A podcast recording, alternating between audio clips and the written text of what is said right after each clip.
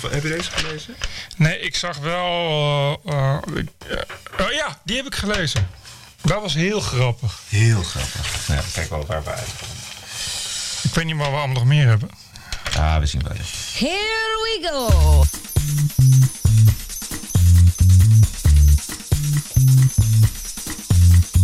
This is the TPO podcast. Ranting and Reason. With Bert Brusson and Roderick Phalo.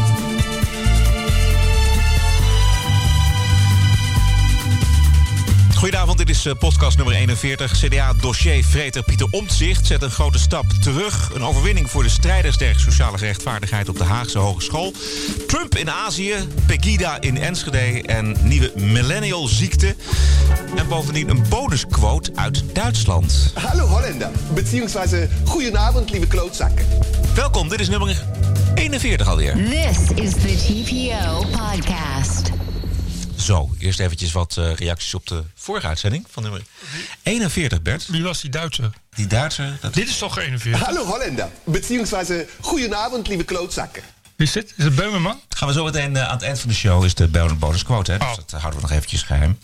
Even kijken, we hebben behoorlijk wat luisteraars minder. Is, is het idee, want we hebben vorige week eh, wat kritiek geuit op eh Thierry Baudet en het Forum voor Democratie. En onder andere Anneke Diamant, die heeft daar eh, behoorlijk heftig op gereageerd via de, via de mail. En ik vond eigenlijk, Bert, dat jij daar ook wel iets te hard weer op terug Hoezo? Ja, ik bij, ben- bij ik- Anneke Diamant. Luister, ik, ik word er zo ziek van die mensen die de hele tijd eh, eh, claimen dat jij moet gaan vertellen wat zij willen horen. Dat gebeurt op TPO ook altijd. Als je iemand met een ander geluid een podium geeft, dan zeggen die mensen: Oh, nee, jullie zakken heel af naar de mainstream media. Lijkt je de Volkskrant, NOS wel. Eh, omdat er dan één keer iemand vandaag ook, eh, iemand die Pegida-actie walgelijk vond. Wat op zich nog wel een redelijk, redelijk wat voor te zeggen van je valt. Om dat walgelijk te vinden. Nee, dat mag niet. Je moet per se elke keer moet je per se tegen moslims zijn, weet je wel. En dan denk ik van ja, flikker toch op. Waar- Ik ben toch niet, eh, ik ben toch geen, eh, ben toch geen marionet of zo, waar je dan wat ingooit en dat ik dan voor je dans. Dan moet je inderdaad gewoon eh, de Ja. Volkskrant gaan Nee, lezen. Dat, dat merk je inderdaad eh, ook als columnist of eh, als je op Twitter zit. Als je eventjes eh, buiten de gebaande paden piest, dan eh, krijg je dat meteen eh, voor je oren. En dat gebeurde dus vorige week ook. Maar dan is het nogmaals de vraag of je daar dan weer zo snoeihard op terug moet hakken zoals jij gedaan hebt. Eh, nou, dat is een goede vraag. Geef eens antwoord. Nee, ik heb er geen antwoord op. Ik, dat is gewoon wat ik doe. Weet je, ik vind als mensen zeiken, dan, dan krijgen ze een dreun terug. Toch zijn er ook weer eh, fans van Forum van Democratie die zich hebben aangemeld als luisteraars. Onder andere Sandra van der Velde kwam ik tegen op. Doen ze dat eh, bij jou? Nee, niet eh, bij mij, maar die, die liken dan eh, de Facebookpagina Ja. van eh, de TPO-podcast. En als dat een fan is van Forum Democratie en dat is na de vorige uitzending gebeurd, dan is dat op zich wel het vermelden waard. Oh, maar ook Thierry Baudet zelf heeft ernaar geluisterd. Oh, die, wat vond hij? die had ik op de WhatsApp en die vond het allemaal ontzettend grappig. Dus mensen, jullie hoeven je geen zorgen te maken dat Thierry Baudet gekwetst is. Want die kan het allemaal prima hebben en die vindt het allemaal leuk. En die houdt nou, dat provocerende waar wij dan vorige keer over hebben. Van moet je dat wel doen? Dat is gewoon iets ook wat hij gewoon heel mooi vindt. Eh, en ik, volgens mij, voor zover ik hem ken, eh, heeft hij nog liever tien keer dat mensen daarover zeiken dan dat mensen helemaal niks zeggen. Waar hij volkomen gelijk in heeft. Maar hij, eh, die vindt het allemaal heel leuk. Dus Ja. geen zorgen. Sterker, hij vroeg op de bijeenkomsten waar we het over hadden, die bijeenkomst van vrijdag met al die jongeren, eh, vroeg hij speciaal om kritiek. Eh, dat heeft hij een aantal keren gevraagd, eh, maar er kwam helemaal niks uit de zaal. Het zal ongetwijfeld met de leeftijd te maken hebben, maar Thierry vindt het inderdaad prima om eh, kritiek te krijgen. Eh, daarover gesproken krijgt hij toch vandaag ook toch weer een veeg uit de pan van eh, de TPO-podcast. Want Baudet maakte eh, het gebrekkige materiaal van Defensie toch een groot nummer. een paar weken geleden in de Kamer. En vandaag ging het nou juist over het defensiebudget en de bestedingen daarvan. En wie was de grote afwezige? Forum voor Democratie. Oh ja? Ja. En Oh, dat is ik niet goed, begrijp, nee. nee, dat is niet goed. En ik begrijp best dat ze met z'n tweeën zijn. Hè? Ehm, maar eh, nu, vandaag, had je inhoud kunnen tonen. Juist op dit dossier waar je zo'n groot nummer van gemaakt hebt. Dus de grote vraag is: waar, waar was Thierry vandaag in de. Nou, zullen we dat dan maar als luisteraarsvraag doen? Precies. Waar was Thierry Baudet vandaag bij het belangrijke inhoudelijke debat over eh, het defensiebudget? U kunt uw antwoord eh, per briefkaart sturen. nee, maar ja, ik, ik weet het ook niet. We zullen het dan weer aan Thierry vragen. Ik zal hem wel weer eens even whatsappen en dan vragen. Maar, de, maar de, de kijkersvraag vind ik trouwens ook leuk. Eh, je kunt het allemaal sturen naar... En dan mag jij een mooi adres noemen. Op Twitter het, RVLO. en verder het info at de postel. Nee, oh, eh, info, ja, info at tpo.nl. Bij wij ik heb een nieuw e-mailadres dat nog makkelijker is voor mensen. Oké. Dan eh, kijken wij naar het verhaal van het weekend. Een verhaal van deze week toch ook wel. CDA Pitbull, Tweede Kamerlid eh, Pieter Omtzigt is eh, weg eh, van het dossier waar hij juist zo ongelooflijk goed in zat. Namelijk de ramp met de MH17. Eh, het gevolg van een NRC-verhaal over het eh, opvoeren van een nepgetuige tijdens een avond met nabestaanden in de eh, Vrije Universiteit van Amsterdam. En vandaag de dag van de uitzending, eh, 14 november, komt Pieter Omtzigt aan de orde in een CDA-fractievergadering. Maar inmiddels heeft hij gezegd dat hij zich tijdelijk gaat terugtrekken van dit dossier. Ik zag het, ja. Ik zag net zelfs... eh, ik moest om redenen die ik hier nu niet kan vertellen... het NOS 8 uur journaal eh, heb ik gekeken. Daar was hij ook. Ja. Dus eh, ja, Wat zei hij daar? hetzelfde wat hij tot nu toe heeft gezegd. Dat hij, eh, lief, dat hij, dat hij zich terugtrekt omdat hij vindt dat hij nu dit dossier niet meer geloofwaardig genoeg kan uitvoeren. Dus allemaal heel keurig. Ja, wat, maar, kijk, maar. hij, hij eh, ehm, ik denk dat hij, kijk, hij, dit is eh, kiezen of delen. Het, ja, hij kan, weet je, eh, hij is natuurlijk de 76e zetel eh, van de coalitie, dus. precies. En, eh, eh, dus eh, dat, dat, het CDA willen we ook niet dat hij, eh, dat hij weggaat. Nee, bovendien is het een enorme stemmentrekker. Hij heeft geloof ik Ja. 98 98.000 voorkeurstemmen gehad. Dus dat, is, eh, dat zijn ook stemmen die eh, op het konto van het CDA komen. En bovendien, bovendien doet hij het heel erg goed in, eh, in de media. Het is ook wel een geliefd Kamerlid bij journalisten. Ja, en hij is ook de pitbull van, eigenlijk van de hele Kamer. Weet je, hij, de- iedereen kent hem. Ook als, als iemand die zich in elk dossier vastbijt. En het is iemand die juist doet eh, wat anderen nalaten. Dat je echt als bezorgde burger kan je altijd bij hem terecht. Weet je? Dus bij wijze van spreken kun je hem altijd bellen. We hebben toen hier ook in de uitzending gehad. Dat, dat ik ook zei, word je eh, minister of staatssecretaris? Dat zei nee, ik, wil- ik ben echt gekozen door die burger wiens belangen ik dan wil behartigen.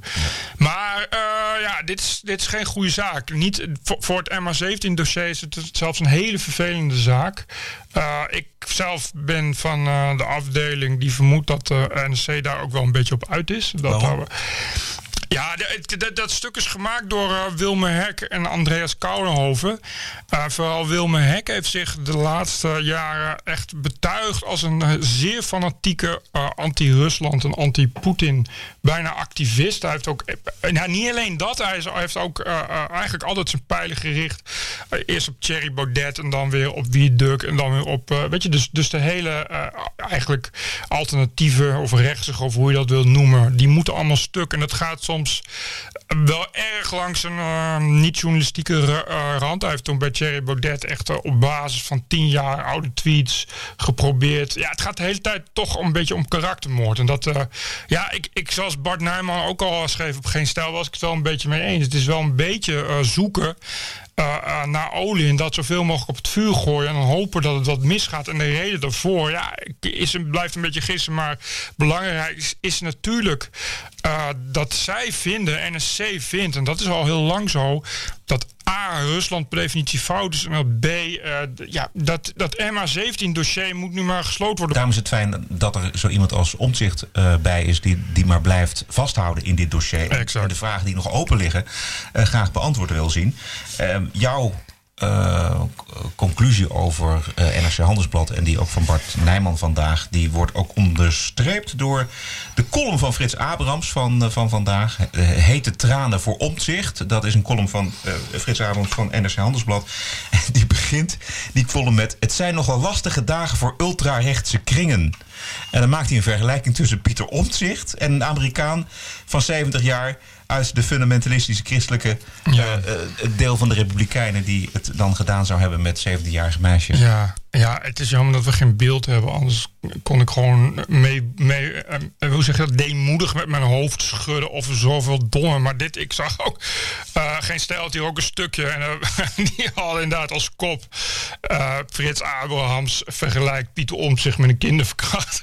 dat ik dan wel weer eh, verdomd grappig vind. Maar dit is eh, dezelfde Frits Abrahams die destijds schreef dat het heel erg is dat Van Gogh was vermoord maar en zo. Dus, dus hou alsjeblieft, dit is echt NSC op zijn NSC'st. Ik sprak laatst ook, uh, hoe heet ze, uh, Frederike Weda. Die werkt ook bij NSC en die werkt dan ook al zeg maar 100 jaar. En die zei ook van ja, het is wel veranderd in de afgelopen tijd. Uh, dat weet iedereen. Vroeger was NSC een liberale courant. Ja. Dat is nu toch wel heel iets anders. Zoals laatst al zei dat Helderink zich omdraait in zijn graf. Ja. Ja.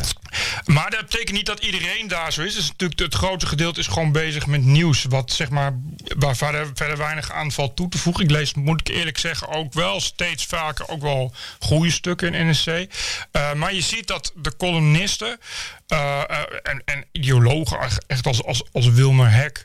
Uh, ook bijvoorbeeld de recensenten, die schrijven soms dingen dat je echt denkt van lees ik dat nou echt? Staat het er nou echt? Weet je, denk, ja, laatst over Elvis. Elvis is eigenlijk ook racisme. Het is gewoon een blanke man die zich uh, negen muziek toe eigenlijk. Ja. Daar kan je alleen maar om lachen. Maar dat zegt wel iets over uh, het idee en de ideologie van veel van die journalisten. En dat is, dat is voor een gedeelte een oude generatie. Maar daar, dat zei die Frederike Weder ook van ja, wat je ziet is dat er ook wel veel jongen, echt, echt millennials, die zijn nog extremer daarin. Ja, ja, En, en, en, nou ja, en ik denk uh, als het gaat om Rusland, zoals nu een omzicht, dat is echt typisch dossier Rusland. Dat is echt uh, uh, typisch pro-EU, anti-Poetin. Het is, het is ook een behoorlijke pro-EU krant. Hè? Dat, dat, ze zijn ook echt wel overduidelijk, dat geeft ze ook wel gewoon toe, anti-populistisch en pro-EU. Dat heeft Peter van der Meers ons zelf gezegd. Ja, jij was, oh ja, jij was. Dat heeft hij gewoon ook zelf toegegeven. Dus dat is niet, en daar zullen ze ook niet om liegen. Dat is ook wel iedereen duidelijk, denk ik. De mensen die dat lezen, zal, dat ook, zal dat ook niet ontgaan zijn. Dat is wel zo. Frits Abrams. ja. oh, dat is uh, de Tros Nieuws Show. oh, sorry. Mijn, ja, Elsbeth Etty, ja. die schreef er vandaag, uh, deze week althans, in de Groene Amsterdammer... Uh, iets van haar hart, wat er echt uit moest. Dat zat er al een tijdje volgens mij.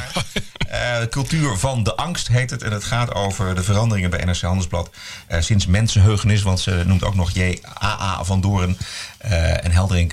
dus dat zijn, dat zijn echt ja, de, de oude garde van NRC Handelsblad. En wat er sindsdien allemaal veranderd is, Bert? Nou, ja, nee, ja er is heel veel veranderd. Etty was alle destijds extreem anti-PVV. Nou, stukken waren altijd van dik hout, zagen men Godwin planken. Dus het was wel meestal per, per strekkende zin een Godwin over de PVV. Op een dag hadden, hadden ze bij NSC het idee om uh, Martin Bosma als columnist te vragen. Dat was overigens, dat zeg ik altijd heel duidelijk bij. Dat mag dan wel, hè, maar dan samen met andere politici. Dus dat was dan een blokje waarin dat roleert. En dan elke drie weken kreeg je een column van Bosma. Dat was geloof ik ook Femke Alsma, nog iemand.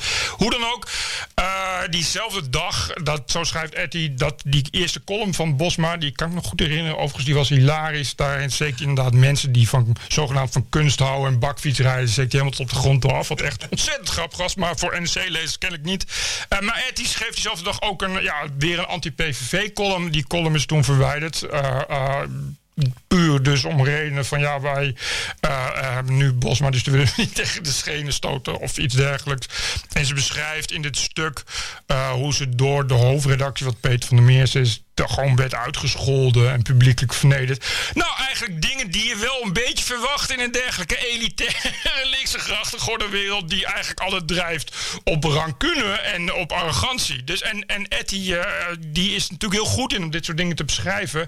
En dat is nou typisch iemand die zich dat niet inderdaad laat zeggen. Dus die heeft gewoon gezegd, oké, doei. En die is inderdaad weggegaan. Destijds ook weer met veel bombarie bij, uh, bij NSC Handelsblad. Uh, en ze schrijft daar nu de column over. Ze heeft wel een punt. Hè. Ze zegt van ja, uh, als het, het, het gaat niet alleen om seksueel misbruik. Het gaat gewoon om, ook om intimidatie van de ja, macht. Machtmisbruik.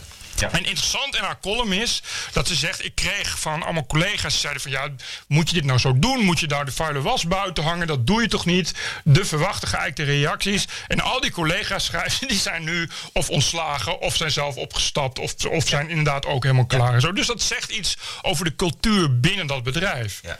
Ja. Eh, toch nog even terug naar eh, Pieter Omtzigt, want er zijn nog een paar vragen, eh, ondanks zijn verklaringen, toch wel nog open gebleven, Bert. Wat mij nog niet duidelijk is, wat nou precies zijn, zijn verhouding was met die andere twee. Ja, daar is dus niks van bekend met die, nog. Met die Jeroen van Rijsbergen en, en die Oekraïner, die asielzoeker Alexander, die, die zijn verhaal wilde doen. Dus dat, dat, dat is mij nog onduidelijk. En waarom heeft hij dat, eh, die, die eh, van Rijsbergen dat gesprek opgenomen? En waarom heeft eh, hij dat laten zien aan NRC Handelsblad en die sms'en laten zien aan NRC Handelsblad? Ziet u, dat vind ik vragen die nog niet beantwoord zijn. Nee, dat vind ik ook. Ik, maar ik begrijp dat, want die van Rijnsbergen, d- dat is een hele rare jongen. Ja, dat is een hele rare jongen. Begrijp ik. Dus daar is dan niet helemaal betrouwbaar. Ja. Weet je, maar goed, het is natuurlijk wel zo dat die, die, die, die sms'jes zijn gewoon echt. Weet je, Ja. dus daar valt niet over. Maar ik vind het ook, als je het, als je het zo gewoon bekijkt, is het gewoon onhandigheid. Het is inderdaad, het is hetzelfde als dat ik aan jou mail van wat gaan we vanavond doen. En je vat dat samen. Het probleem is dan dat dan achteraf, weet je, blijkt van ja, dit is misschien niet zo handig, want die Oekraïnse getuige was al gehoord, daarvan was al geconcludeerd dat hij daar helemaal niet bij kon zijn, et cetera, et cetera. En het, dat geeft natuurlijk wel munitie aan dat soort mensen. Ja.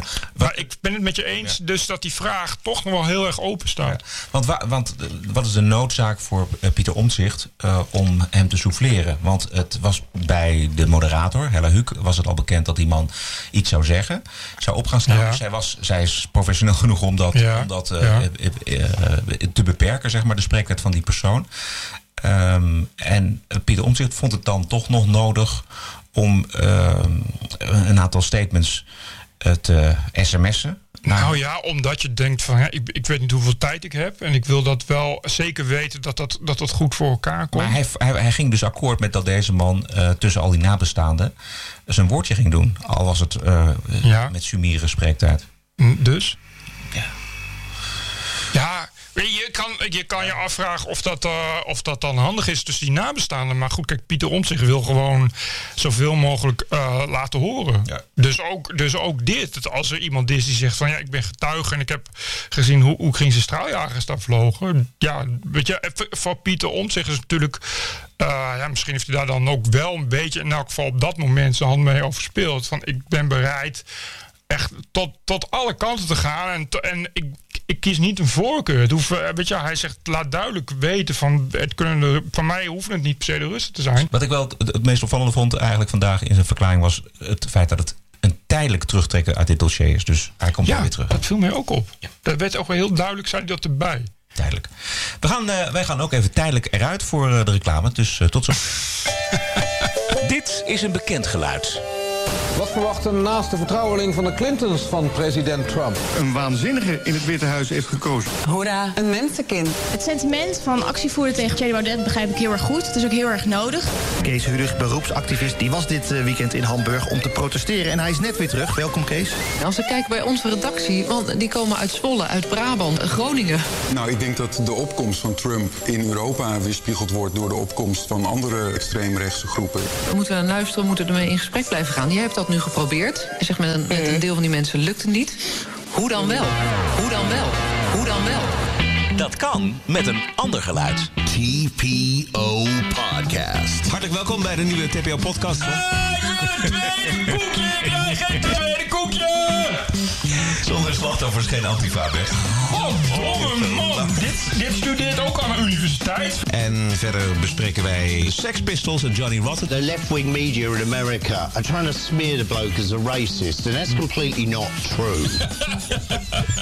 Maar weet je Bert, dat meent hij namelijk echt. Ja, maar dat vind ik het leuke. Jezus. Ja, net vanavond. Dat doet er niet toe. Nee, dump het moet kapot. Als je als politicus de democratische controle omzeilt, ben je gewoon klaar. Sociale experiment in Nederland wat al sinds 1968 aan de gang is. En daar moeten we een keer mee ophouden. Ondersteun dit andere geluid. Doneer aan de TPO Podcast. Ga naar tpo.nl slash podcast. Heel goed. Hoe meer mensen dat doen, hoe beter het is. Docent aan de Haagse Hogeschool stopt na vijf jaar met zijn columns voor het online studentenblad.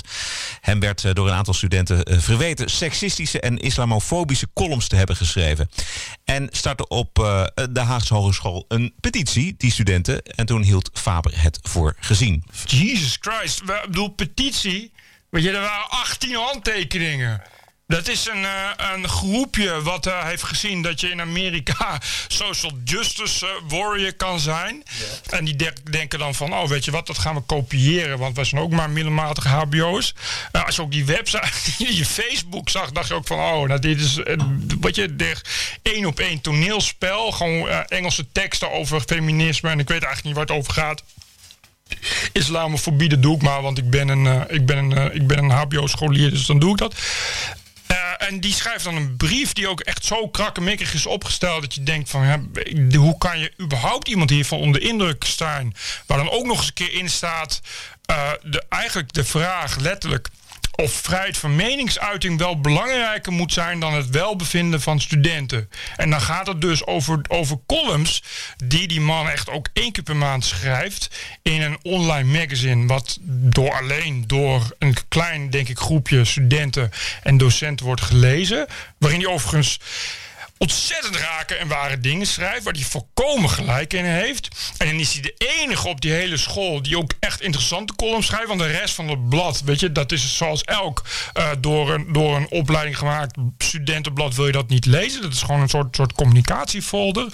En dan schrijven die, die meisjes één klein zuchtje tegenwind. En hij zegt, oh nee, dan stop ik ermee. Want ik begrijp ook dat ze, ja, nou, ik wil niet dat het allemaal maar eh, dan eh, nog meer op, oplevert. Dan denk ik van, ja, kom op man. Jesus Ik begrijp er eigenlijk helemaal niks van. Want ehm, eh, waarom zou je dan een interview aan het AD geven over deze hele kwestie? En denk je dan niet dat dat eh Ja, reuring ja. gaat geven? eh, en dat, dat het daarmee afgelopen is? Dat vond ik een hele rare gedachte. We hebben een e-mail, uitwisseling met hem gehad. En eh, hij, wilde, hij wilde het hierbij laten. En ik, vond, het- ik, ik ben het met je eens, Bert. Ik vond het ook eh, een zuchtje tegenwind en dan al kap met je columns. Maar ik vind ook als je de dingen schrijft die hij schrijft. Hè, hij schrijft gewoon inderdaad.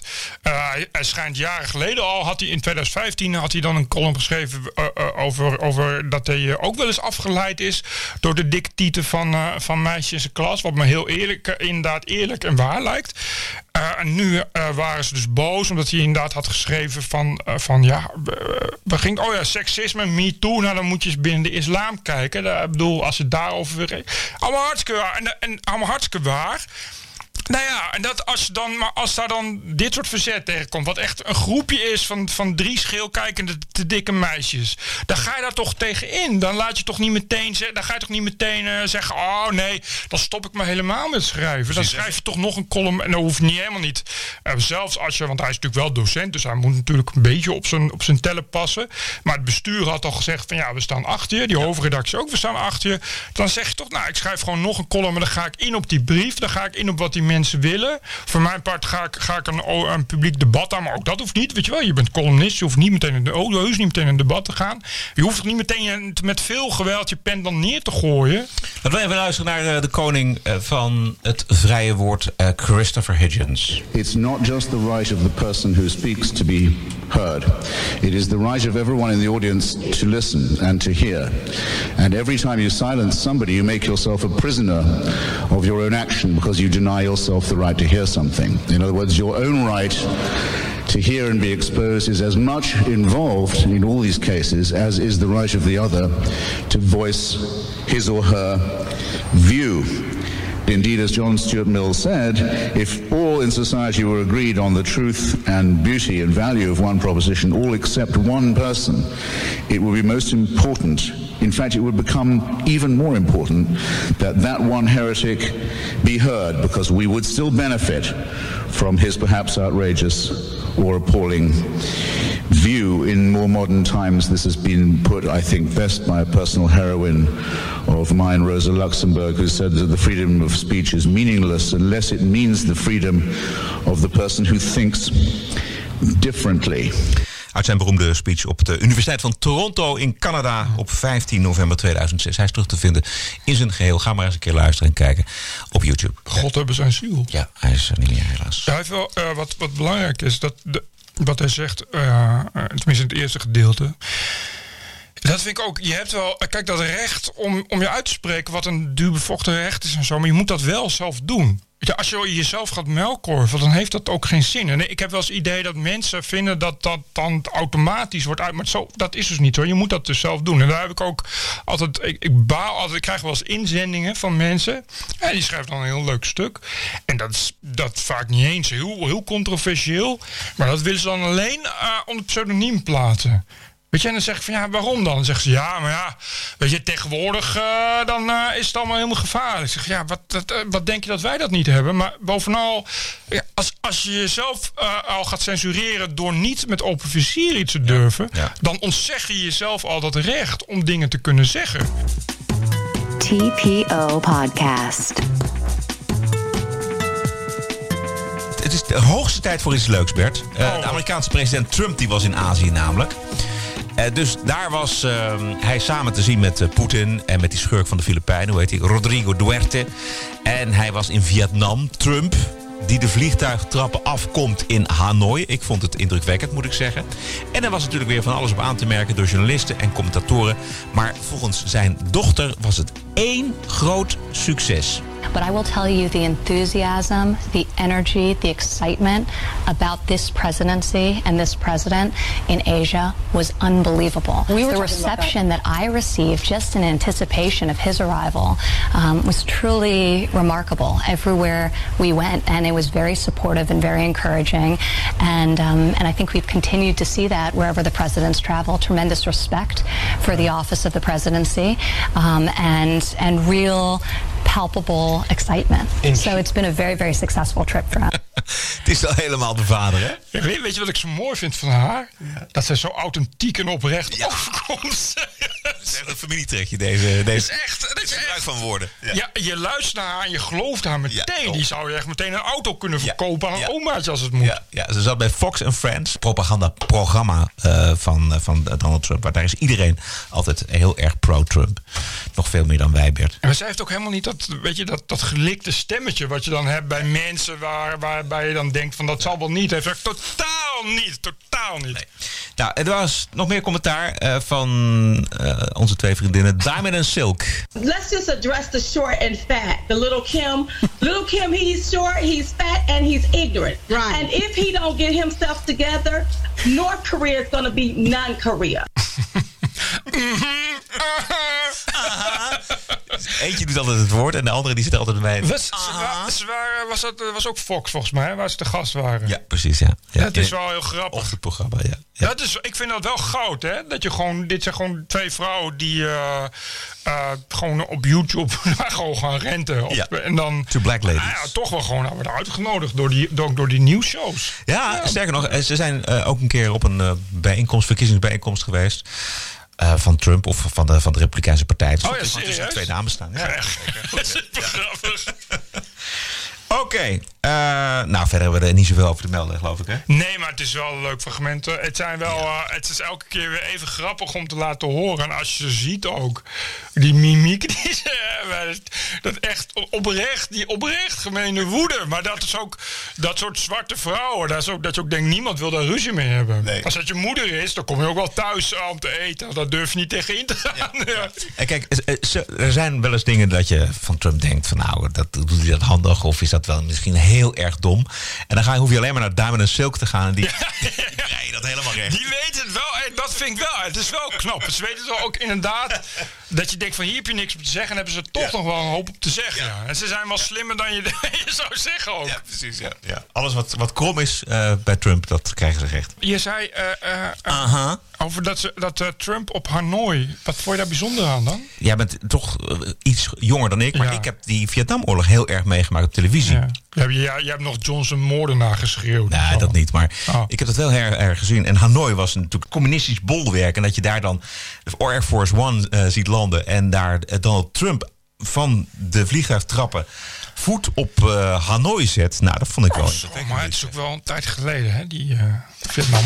Ranting and Reason. TPO Podcast. Oké, de nieuwe kwaal of ziekte of aandoening van de millennials... dat is de quarter-life crisis. En dat is een crisis, zoals uh, de naam al doet vermoeden... op kwart van je leeftijd. Voor zover je dat uh, kunt inschatten natuurlijk. Uh, schrijver, blogger Femke Kamps, die kampt ermee. En die schreef er maar meteen een boek over, Bert. Ja, dat is allemaal heel, allemaal heel leuk en aardig. Uh, ik begrijp ook dat Femke Kams eigenlijk niet zoveel kan. Behalve op uh, elke dag op heel veel selfies poseren. En dat vinden dan heel veel mensen leuk. Dus daar krijgen ze dan uh, geld voor, denk ik, door adverteerders. Wat zijn de symptomen? Nou, de symptomen zijn dat je leeghoofdig bent. En dat je eigenlijk volkomen materialistisch bent. En dat je echt overduidelijk een product bent van, van het posthedonisme. Dus dat je eigenlijk geen flauw idee meer hebt waar het vandaan komt of wie dat maar heeft dit is interessant wat je zegt, want dat is inderdaad, ik heb het verhaal ook gelezen. Het gaat namelijk over millennials die eigenlijk uh, leven op likes. He, ze, willen, ze, willen, overal goedkeuring voor hebben. En omdat ze dat niet overal krijgen, omdat het echte leven er niet zo uitziet, uh, uh, hebben ze het gevoel dat ze voortdurend alles goed moeten doen, 100%, om ja. die likes maar te krijgen. Ze hadden dus waar het om gaat. Dat over, dat, dat, daardoor raken ze overwerkt. Ja, nee, precies. Ze krijgen het zo goed samen. Ja, ze krijgen dus een burn-out omdat ze te veel stress hebben door social media. Dat meisje heeft gewoon een leven van, van s ochtends vroeg tot s avonds laat gaat het erom dat je zo perfect mogelijk overkomt op, op social media. Ja, dit is precies het probleem, ja. Maar dat kan natuurlijk niet. Want, en dat is dus het punt, dat die mensen hebben niet geleerd. Dat is echt het grote probleem. Die hebben niet geleerd dat mensen natuurlijk niet perfect zijn. Dus dat gaat de hele tijd, dat gaat de hele tijd mis. Dit is het. De wereld verhoudt zich niet ja. naar hoe jij wordt gelijkt. Of hoe jij, en ik, ik kijk zelf ook wel eens op Instagram. En dan denk ik ook van, goeie hemel, het zijn er ook wel veel. Die elke dag zichzelf, uh, ja, het is, weet je, narcisme is helemaal niet ja. meer het woord en zo. Het is al way beyond narcisme. En het is zo'n ontzettend sprookjesbeeld van een, van een wereld die natuurlijk helemaal niet bestaat. Want het is ook, alles is ook in weggezuiverd. Dus verdriet en ongeluk en onzekerheid en twijfel. Ja, bestaat er allemaal niet. Dus dat, dat nee. zie je ook niet door. Die foto's zijn ook alleen maar sprookjesbeelden. Je kijkt, ja, ja vroeger in jouw tijd had je Sisi. de, de filmreeks. Nee, nee, nee. nee. Ja, had je de, de, de meisjes, de vriendinnetjes, hadden een poëzie poesiealbum ja. dat dan. En dan ging je dat uitlenen en dan ging, werd daar uh, ja, maar daar zit nog in je poesiealbum schrijven. En dat was dan de referentie. Ja. Dat ik vind je zo leuk of vind je... Nou, de referentie was dan hoe meer, hoe dikker je poëziealbum, poesiealbum was. Dat was de social media van, precies. van toen. Maar uh, wat ik bedoel met, met, met, met Sisi is dat suikerzoete idee van een prinses te zijn in mooie paleis. En dat, ze, oh, dat, dat, dat, doen die meisjes ook. Want die, die fotograferen zich ja. Ja, dit, dit, in Parijs en op het strand. En, het, en, en ja, weet je, alleen maar perfecte beelden. Omdat kennelijk ja, die behoefte bestaat om aan anderen te laten zien dat je leven perfect is. Ja. Wat natuurlijk heel raar is, dat je die behoefte hebt om aan anderen te laten zien. Want anderen. Je, ja, maar als je, als jij leven op social media afspeelt en je eigenlijk de hele dag daarmee bezig bent en ook de, die berichten van andere mensen krijgt en ziet, dan denk je dat het leven perfect moet zijn. Nou, maar het probleem is dat je dus een generatie hebt van mensen die zich zo naar elkaar verhouden. Die Ja, allemaal, die allemaal denken dat het leven perfect moet zijn. Terwijl, ik bedoel, jij en ik zijn gewoon opgegroeid. Tenminste, ik weet ik zeker vooral met de gedachte van nou, mensen zijn niet perfect. Eh, ieder huisje heeft zijn kruisje en zo. Het was altijd wel vrij duidelijk. Ik bedoel, kom uit een Calvinistisch nest, dus voor mij was het niet, is het geen, maar jij ook. Daar was, in onze tijd was dat zo, dat je ook gewoon, ik denk ook wel eens dat het al een beetje mis is gegaan in het onderwijs. Ik kreeg dat ook wel gewoon op school. Ik kreeg ook gewoon op school te horen dat je gewoon, uh, weet je, ja, je kan niet. Het leven is moeilijk. Het kan soms moeilijk zijn. Het is niet een. Uh... Het mooie van school was bijvoorbeeld dat je toen ik een, een, bleef zitten, toen werd mijn vader boos op mij. Of ja. een verhaal halen. God, wat is dat? En dan, uh, nou ja, samen met de leraar en mijn vader uh, die mij toespraken. Maar tegenwoordig is het natuurlijk zo dat als je dreigt te blijven zitten of je hebt een onvoldoende gehaald, dan ga je met je vader of met je moeder ga je naar ga je verhaal halen bij de lerares. Nee, dan ga je naar de rechter. Ga je naar de rechter. Of ga je naar de rechter. nee, zie je, ik had la, laatst was in juni een reunie reunie van mijn basisschool. En dus mijn oude eh, directeur was ook. Die was toen 40, nu tegen de 70, zou ik maar zeggen. Maar de, eh, en, en die, zei, nou, die zei dus inderdaad van... Nou, ik heb dit jaar voor het eerst inderdaad ouders die, die een rechtszaak zijn begonnen. Omdat ze het niet... Ja, over, de- over de uitslag van de CITO-toets. ik, kan me niet... voor- Dat er, in mijn tijd was het heel simpel. Je krijgt gewoon een pak rammel. Nou, de, de, die, die school zei dan: dit is van de CITO-toets. En dan heb je een advies voor een school. En dat volgt hij dan op. Of niet, en daar kon je dan nog over praten. Maar 90% van de tijd zei iedereen wel natuurlijk van ja, nou, eh, volg op. Ja. En daar- maar nu zeggen ze, nee, ben ik niet mee eens. Mijn kind is VWO. Gymnasium. daar- Ik ga, anders ga ik naar de rechter. Eigenlijk, als ik erover nadenk, dan is het natuurlijk de fout van die ouders. De ouders van nu. Natuurlijk. Maar die, kijk, die hele, hele mislukte millennial generatie is een oud van Ja, fouders. ja. Dit, Fout van die, ouders. Die kinderen zijn opgegroeid als, eh, als prinsjes en prinsesjes. Ja. Als je je kinderen niet leert dat daar, eh, eh, dat er grenzen aan zijn. En, die- als je de hele tijd zegt... eh goh, wat een mooie toren heb je van je blokken gebouwd. Ook als het geen mooie toren is. Als je nooit zegt van ik zal je voordoen hoe je dat eigenlijk wel, hoe je dat beter kan doen. Dan krijg je. Het zijn natuurlijk mensen die een hele lage frustratiedrempel hebben. Maar waarom doen die ouders dat? Is dat compensatiegedrag? Omdat ze, al- omdat ze en werken en, en, en voor de kinderen. Vooral dat. Het gaat natuurlijk wel om, om twee verdieners die druk bezig zijn met hun carrière. En het heeft natuurlijk, wat ik zeg, het, het is posthedonisme. Het heeft natuurlijk te maken ook, eh, ook met, een, met, een, met het opvullen van een leegte. Eh, eh, wat, wat moet ik mijn kinderen geven terwijl ik de hele tijd bezig ben? Eh, eh, want ik geloof ook in genot en dat soort dingen. En dat wil ik dan ook over, op mijn kinderen overbrengen. Ook, denk ik, maar misschien is dat wel omdat ik dan zelf weer veel uit een, uit een christelijk nest kom, wel een heel groot gebrek aan zingeving. De, de, de opvatting die is ontstaan, eh, dat krijg je natuurlijk in een land waar het heel goed gaat en altijd, eh, waar welvaart groot is, is dat het allemaal vanzelf komt. Zo. Dat, en, ja, en dat is natuurlijk problematisch. De gedachte bij dit soort meisjes is dat ze ook het recht hebben omdat het perfect gaat. En dat kan natuurlijk op veel fronten. En op voor een gedeelte kun je dat recht ook halen. Maar ja, het houdt natuurlijk een keer op. En dat in combinatie met die social media en die likes. Ja, Oei, oei, oei. Ja, wij kennen dat natuurlijk niet, eh Roderick. Bedoel, ik, toen wij eh, kind waren, hadden we alleen een eh, tele- publieke omroep. Dat is de enige media die er was. Of een, of een vader die langs, de, langs het voetbalveld stond. En als je een keer een, een, goal maakte, dat hij dan zo met zijn duim omhoog stond. Ja, Dat was de tegenwoordig gaan de de ouders met toen. elkaar ruzie maken. Of ze schoppen de scheidsrechter in elkaar. Dat schijnt dus ook bij de, op, tegenwoordig op hockeyvelden te gebeuren. Hè? Ja, Serieus, oh ja? ouders die, ik las daar laatst verhaal over, ook gewoon een eh, meisje, die kreeg dan rood of zo van de scheidsrechter. Of hoe gaat het in hockey, maar die werd dan bestraft door de scheidsrechter. En dan die vader die dan daarna ruzie ging eh, zoeken met die scheidsrechter. Zelfs op de hockey al. Ja, het is eh, natuurlijk ook, heeft te maken met een soort van perfectionisme, waar een gedeelte ook heel erg in is, is gaan geloven. Door de grote moskee gebouwd in Enschede. De anti-islambeweging Pegida, die is daartegen. Rechtszaken verloren. Eh, de bouw gaat gewoon door. En afgelopen weekend blijken mensen van Pegida op het bouwterrein... een kruis in de grond geslagen te hebben... en varkensbloed over het terrein te hebben verspreid. Nou, het werd al breed, breed uitgemeten de afgelopen dagen bij de NOS... en ook andere media. Maar er is eh, nog niet genoeg over gezegd. Bert. Ik, vond, ik, eh, ik vind dat die, die burgemeester van Enschede wel een beetje gelijk heeft. Dat hij zegt van, het doet wel een beetje denken aan de Ku Klux Klan. Weet je, die- je gaat dan een kruis en varkensbloed en zo. Ik zag dat Pauwnet was er ook bij. En die, en die Dennis die zei ook van, ja, dit gaat toch te ver. Bovendien, eh, alsof dan nog ooit iemand die beweging serieus neemt. Nee, dan, maar dat deden ze al niet. Maar het werd al steeds erger. Ja. Maar dit, dit, zo wordt het wel heel erg. Ja. Weet je, maar varkensbloed is... Je weet dat dat... dat dat heeft dus iemand bedacht. En dat, daar zit dus een enorm fanatisme Ja, in. daar zit dus venijn.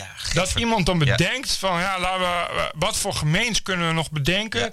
Laten we varkensbloed op de grond gooien. Want ja, dan is het voor, die, voor, voor moslims ja, toch problematisch. Of, ik weet niet of dat zo is, maar het lijkt mij. de dat is ze de, de, gedachte natuurlijk.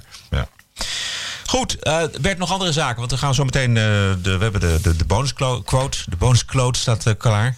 Ja, man, ik had toch wat. eh, ik had nog wat gemaild. Ja, dit is, we hebben nu alles gedaan wat jij gemaild hebt. Echt? Dan moeten we nog misschien nog eventjes heel duidelijk maken dat wij... eh, kijk, wij hebben best onze voorkeuren. Eh, maar wij houden ons het recht voor om alles en iedereen te bekritiseren en te becommentariëren met de inzichten die wij hebben. Ja, dat. En we gaan geen partij kiezen op geen enkele manier. Wij zijn niet partij ge- gelieerd. Nou, dat No partij way. kiezen, ja. Dat is altijd... te- eh, ik kom dan heel zelden nog wel eens op, op bijeenkomsten... en dan denken ze altijd dat je inderdaad één soort richting hebt gekozen... wat niet zo is. Ten eerste. En ten tweede... ehm, ja, ik, ik wil, vind dus weet je, die vrijheid van meningsuiting belangrijk. Dus als iemand dan iets instuurt... eh, en zegt van... eh, ik wil, wil dit geplaatst hebben... ga ik, ik ga er geen nee tegen zeggen. Ik hoef- daar niet mee eens te zijn. Maar het is heel raar dat mensen kennelijk denken dat dan eh, TPO een platform is van, van eenzijdigheid.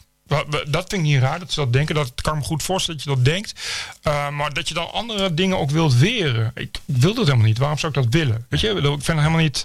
eh, en dat is wat je zegt, net als wat we hier doen. Ik begrijp dan ook dat soort reacties. Want daar, daar ging het om dat ik eh, die eh, eh, Forum voor Democratie jongeren, dat zijn niet die leden, maar echt die, echt die jongeren, eh, ja, dat is kennelijk een jongerenbeweging voor Forum Democratie, die zijn echt zo ontzettend humorloos. En die kunnen ook echt geen, geen kritiek op, op, op Thierry Baudet velen. En het is wel een beetje een soort, toch een soort, lijkt het soms bij de jongeren althans, hè, wil ik duidelijk benadrukken, een soort sectarische beweging waarin je alleen Thierry Baudet mag bejubelen en verder niks. En verder moet je, moet je het hele tijd hebben over ridders en avondland en blank en weet ik veel wat voor gelul en allemaal conservatieve shit. En als je daar dan wat van zegt, dan ben je meteen eh, extreem links en moet je GroenLinks gaan stemmen of zo. Terwijl ja, weet je, ik, volgens mij, en eh, op zich Thierry begrijpt dat, is is een gezonde politieke partij. Een politieke partij waar je eh, gewoon kritiek op kunt hebben. En dat is wat je net zegt. De gedachte is. Eh, dat je, dat je partij kiest, dat je dan alle partijen kritiseert, behalve Forum voor Democratie, omdat je daarmee sympathiseert. En dat was bij de PVV ook altijd zo. We weten op geen stijl. Als dan eh, eh, Johnny Quid deed dat en Zendgraaf doet het ook wel eens. Als dan iets tegen de PVV schrijft, nou dan krijg je het eh, te verduren. Dan ben je een landverrader en, eh, en, en betaald door links. En eh, weet je wel, een holmaatje van eh Jesse Klaver en noem het allemaal maar op. Dat is duidelijk, daar mag je niet eh, zomaar kritiek op vertellen. Ja, weet je, ook geen stijl is geen, eh, is geen partijpolitiek orgaan of zo. Ze zijn teleurgesteld. En dat is volgens mij wat, wat er ook vorige week gebeurde.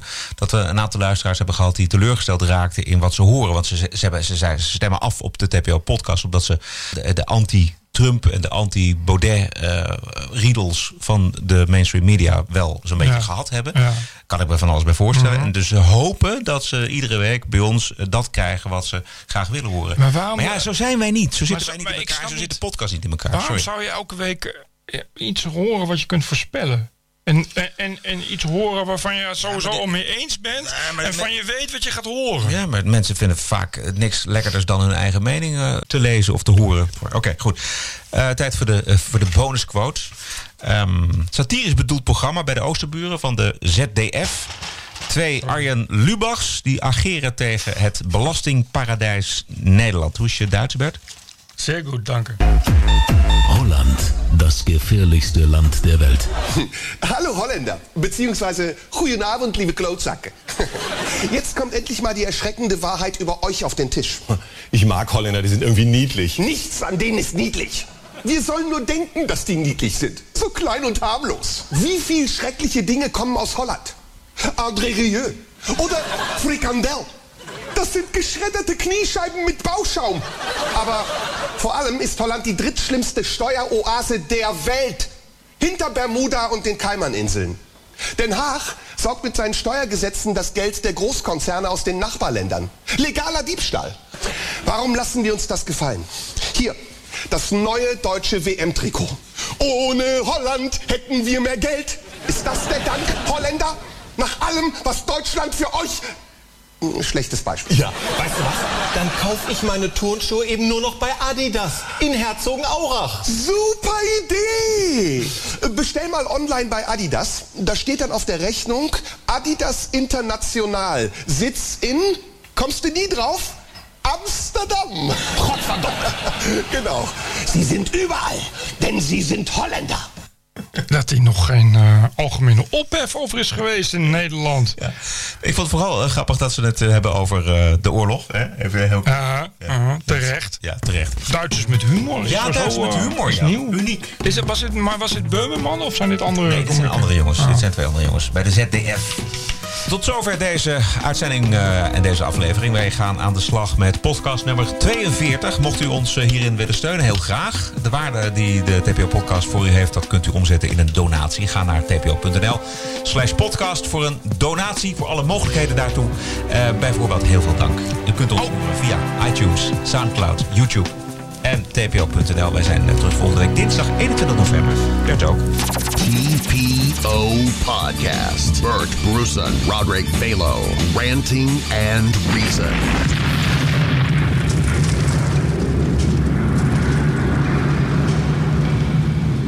Ken je de, de podcast Dipsaus? Nee, vertel. Dat is eh, een podcast van eh, die Anousha Nzume en nog twee eh, vrouwen van kleur.